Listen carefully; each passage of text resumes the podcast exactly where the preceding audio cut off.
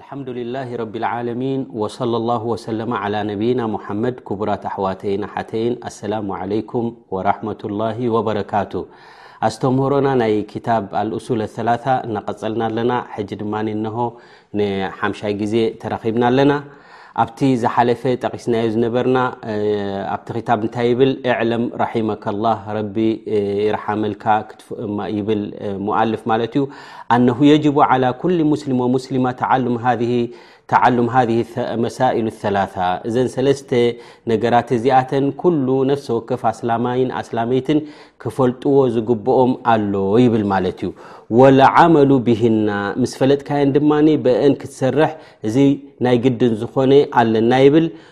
ንሱ እቲ ቀዳማይ ከምቲ ኣብ ዝሓለፈ ጥቕስ ኣቢልናዮ ዝነበርና ኣነ ላሃ ኸለቀና ወረዘቀና ወለም የትሩከና ሃመላ ረቢ ስብሓን ወተዓላ ንሱ ዩ ፈጣሪና ንሱ ዩ ርዝቂ ዝህበና ፈጢሩናን ርቂ ሂቡናን ጥራሕ ከየብቅዕ ልኡኻት ድማ ልኢኹ ኣብ ዝተፈላለየ እዋናት እዞም ልኡኻት እዚኣቶም ድማ ማለት ካብቲ ጥፍኣት ዝኾነ መንገዲ ናብ ቁኑዕ ዝሕብሩ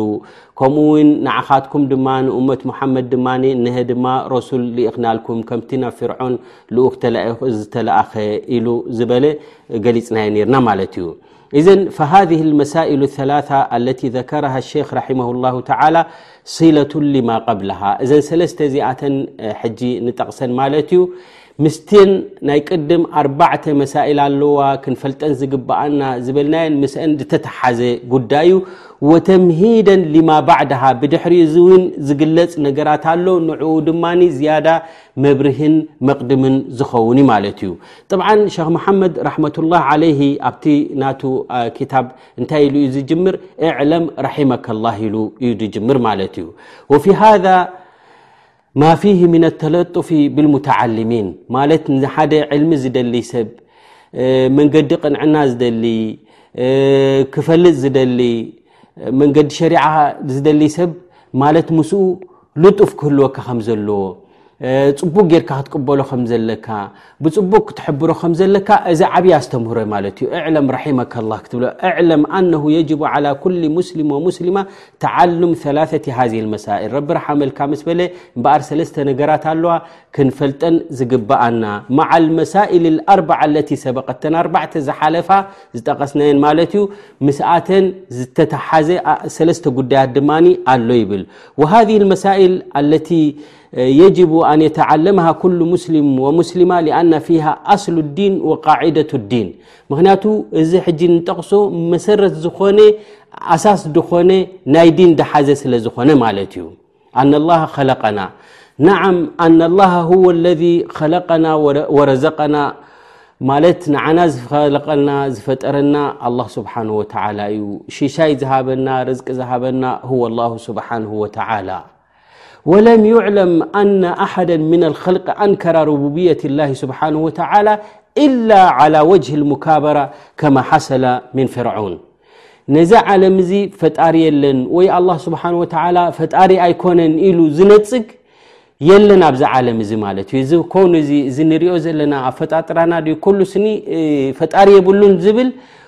ውሑድ ውሑድ ሙተከብር ዝኾነ ሓቂ ክሽፍን ዝደሊ ከም ፍርዖን ተዘይኮይኑ መብዛሕቱ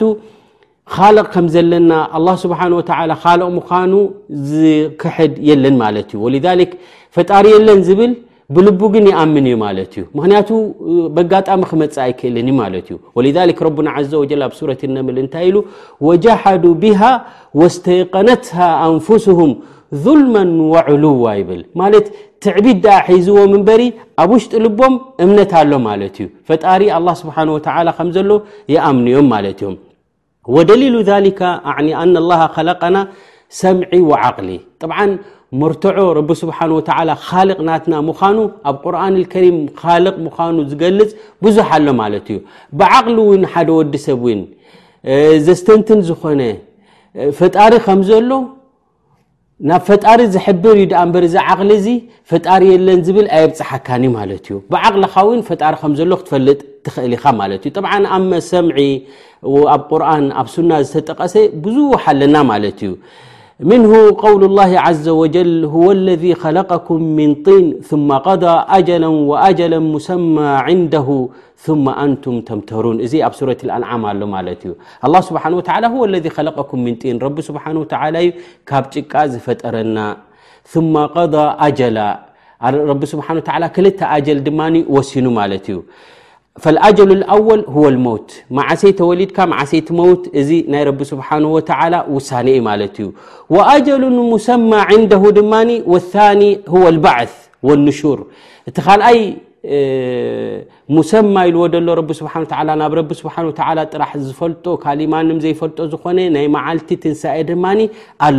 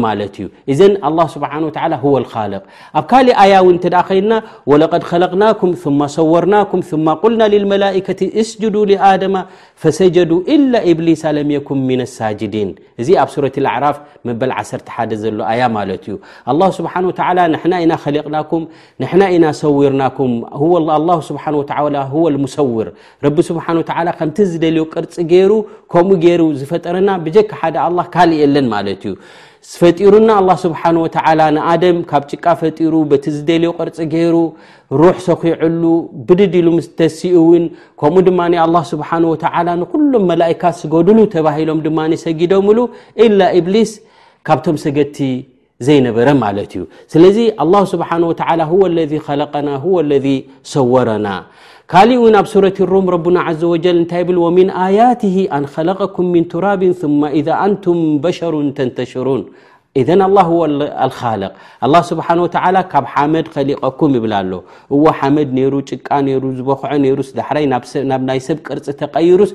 ሰብ ኮይኑስ ማ ኢዛ ኣንቱም በሸሩን ተንተሽሩን ሕጂ ከምዚ ንሪኦ ዘለና ንኸይድ የማን ፅጋም ከም ድላይ ሰብ ዝጓዓዝ ኮይኑ ኣስል መሰረቱ ላኪን ካብ ጭቃ ዩ ማለት እዩ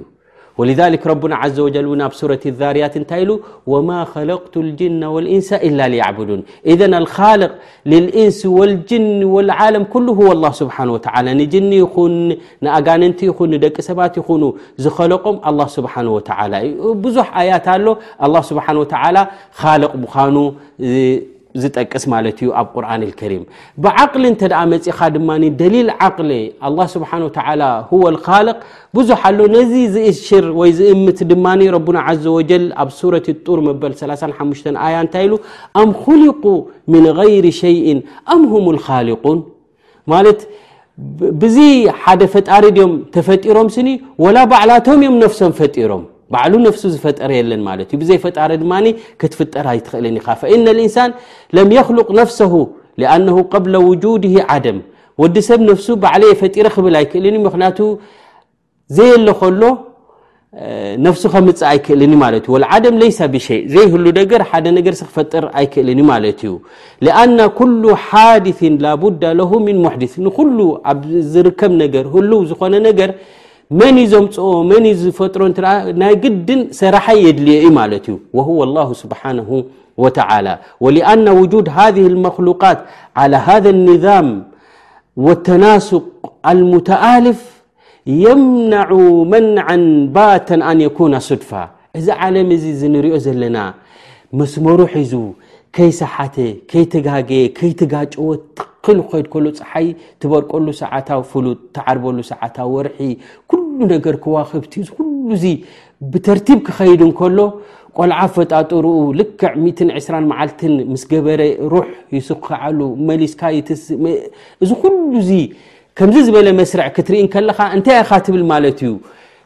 ነዚ ኩነታት እዚ ካልቅ ኣሎ ትብል ማለት እዩ ወሁ ላሁ ስብሓንሁ ወተላ ስለዚ ፈተዓየና ብሃذ ኣን የኩነ ካልቅ ሁወ ላሁ ዋሕደሁ እጂ ናይ ግድን ይኮነና እምበኣረይ ፈጣሪ ሓደ ኣላ ስብሓን ወተላ ምዃኑ ፈላ ካልቀ ወላ ኣሚራ ኢለ ላ ብጀክኡ ድማ ድኸልቕን ድእዝዝን ካልእ የለን ማለት እዩ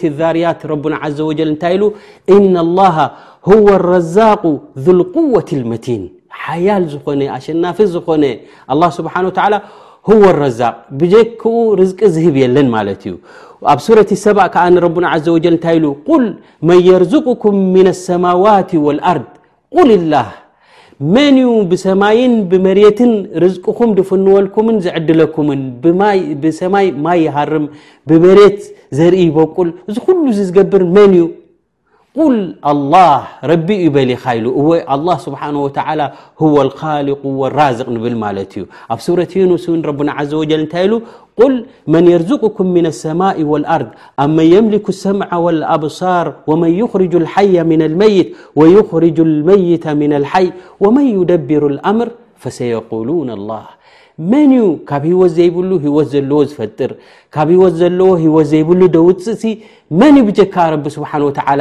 ኢልካ ስከ ሕተቶም ኢኻ ወመን ዩደቢሩ ኣምር ንዚ ኩሉ ዚ ኩነታት እዚ ዘካይድ መን እዩ እተ ኢልካ እተ ሓቲትካ እዮም ፈሰየቁሉን ኣላ ኣላ ይክብሉካ እዮም ፈጣሪ ይክብሉካ እዮም ኣ ስብሓ እዘን ንዕኡ ንብሕቱ ንብሕቱ ሰማያትን መሬትን ንዓኻትኩምን ዝፈጠረ ንዕኡ ዳኣ እሞ ዘይተምልኹ በሎም ኢኻ ተባሂሎም ማለት እዮም ኣላ ዘ ወጀል ይኽርጅ ኣነባት ኣልቀዱ ጠሪይ ምን ልሓብ ልያብስ ዘራእቲ ምፅኻ ጣፍ ድዩ ወላ ሓደ መሸላ ድዩ ንቁፅ ዩ ወላ ሓንቲ ህይወት ዘለዎ ኣይኮነን ነዚ ኣብ መሬት ፋሕ መሰበልካዮ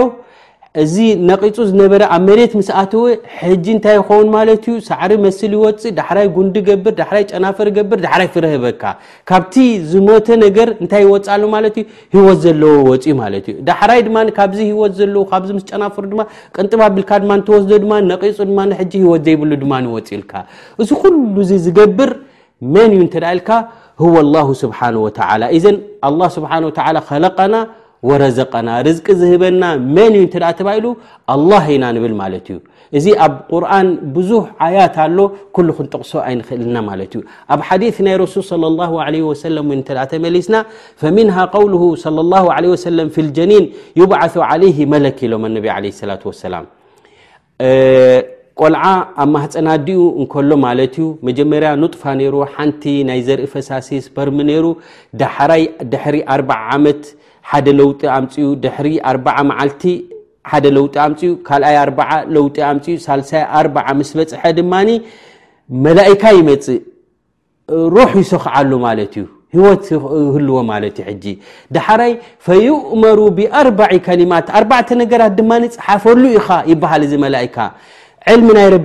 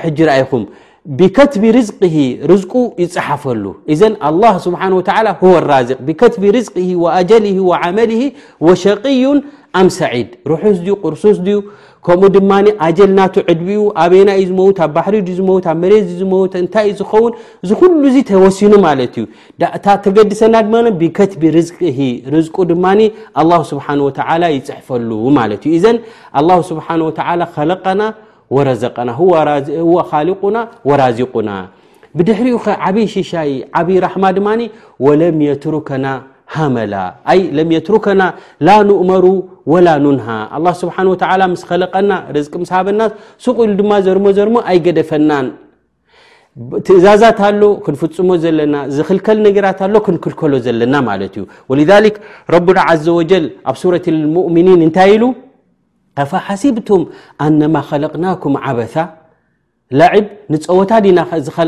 ዲና ኸሊቕናኩም ዲ ድመስለኩም ዘሎ ወኣነኩም ኢለይና ላትርጅዑን ናባና ዘይትምለሱ ዲ መሲልኩም እዘን ኣንታ ትጎይ ዘለኻ ትፅዕር ዘለኻ እምበኣር መምለሲ ናብ ረቢ ስብሓን ወተዓላ ከም ዘሎ መዓልቲ ዘክር ኢኻ ሞይትካ ብኡ ትተርፍ ኣይኮንካን ማለት እዩ ወኣነኩም ኢለይና ላትርጅዑን ናብ ረቢ ዘይትምለሱ ዝመስለኩም ዘሎ ናባና ዘይትምለሱ ድዩ መሲልኩም እብል ተዓላ ላሁ ልመሊኩ ልሓቅ ላኢላሃ ኢላ ሁ እዘን ኩሉ ነገራት ረቢ ስብሓን ወተዓላ ኸሊቑና ርዝቂ ሂቡና ትእዛዛት ድማ ኣዚዙና እዩ ናብኡ ከም ንምለስ ድማ የዘኻኽረና ኣሎ እዘን እምበኣሪ ናብኡ እተ ተመለስቲ እተ ኮይና እንታይ ክንፈልጥ ኣለና እቲ ትእዛዛት ናይ ረቢ ክንፈልጦ ኣለና እቲ ዝረቢ ዝኸልከሎ ክንፈልጦ ኣለና ነቲ ዝተኸልከለ ካብኡ ንኽልከል ነቲ ዝተኣዘዘ ድማ ንዕኡ ንፍፅም ማለት እዩ ወልዛሊክ ረቡና ዓዘ ወጀል ኣብ ሱረት ልቅያማ እንታይ ኢሉ ኣያሕሰቡ ልኢንሳኑ ኣዩትረካ ሱዳ ኢሉ ያኒ ሃመላ ወዲ ሰብ ስኒ ስኡልካ ዘ ዝግደፍ ዶ ይመስሎ ኣሎ ይብል ላ ክሕሰብ ዩ ንበሪ ፀብፃብ ኣሎ ብንእሽተይን ደቂቕን ዝኾነ ኩሉ ነገራት ፀብፃባት ክግበረሉ እዩ ማለት እዩ እዘን ኣላ ስብሓን ወተላ ከለቀና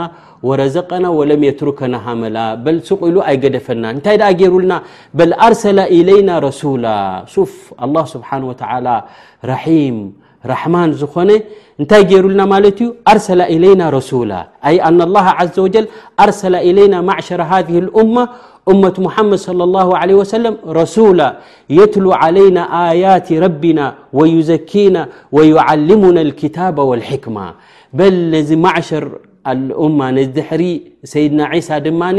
ያእቲ ምን ባዕዲ እስሙሁ ኣሕመድ ብድሕረይ ክመፅኡ ኣሕመድ ዝተባሃለ ኣሕመድ ሙሓመድ ኣልማሒ ኣልቃፊ ዝተባሃሉ ብሉፅ ዝኾኑ ነቢ ክመፅ ኦም ተባሂሎም ነለ ድማ መፅኡ ድማ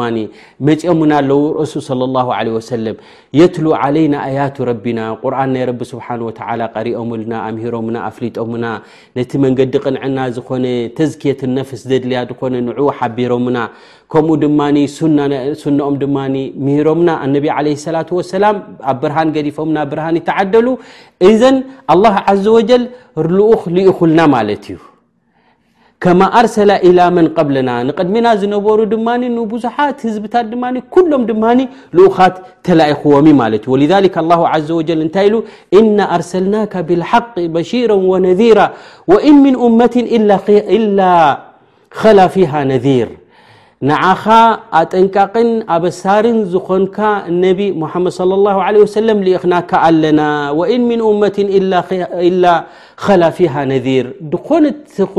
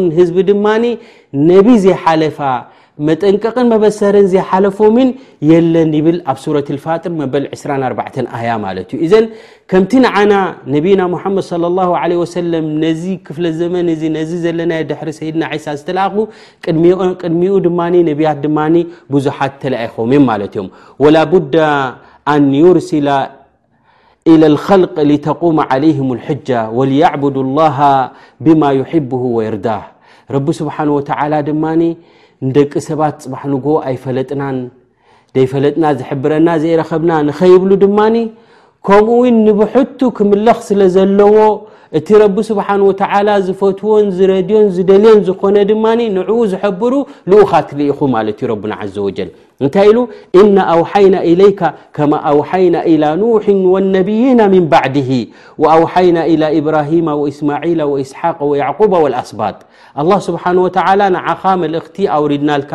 ልክዕ ከምቲ ናብ ኑሕ ከምኡ ድማ ብድሕሪኡ ዝመፁ ነቢያት ዝነበሩ ከም በዓል ሰይድና ኢብራሂም እስማዒል እስሓቅ ያዕቁብ ኣስባጥ እዚኣቶም ኣስባጥ ዘርኢ ናይ ሰይድና ያዕቁብ እዮም እዚኣቶም ድማ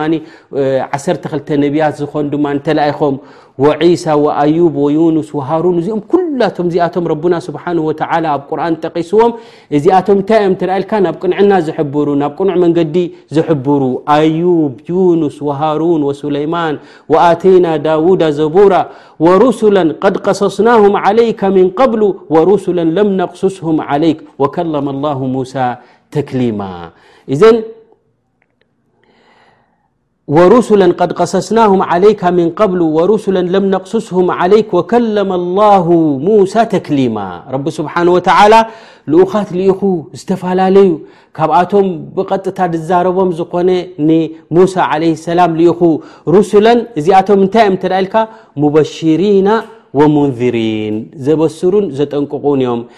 ሊኣላ የኩና ልናሲ ዓላ ላሂ ሑጀቱን ባዕደ ሩሱል ፅባሕ ንግሆ ምስ ረቢ ስብሓን ወተዓላ ደቂ ሰባት ምስ ተራኸቡ ኣይፈለጥናን ንኸይብሉ እዚኣቶም ዝሕብሩ ልኡኻት ድማ ልኢኽና ይብል እዘን ኣላ ስብሓን ወተዓላ ከሊቑና ረዚቑና ልኡኻት ድማ ልኢኹልና ማለት እዩ እቲ ዝቕፅል ትሕዝቶ እውን ኣብቲ ድመፅእ ክንገልፆ ኢና ወነስኣል ላ ዘ ወጀል ኣተውፊቀ ወሰዳድ ወሰለ ላሁ ወሰለማ ዓላ ነብይና ሙሓመድ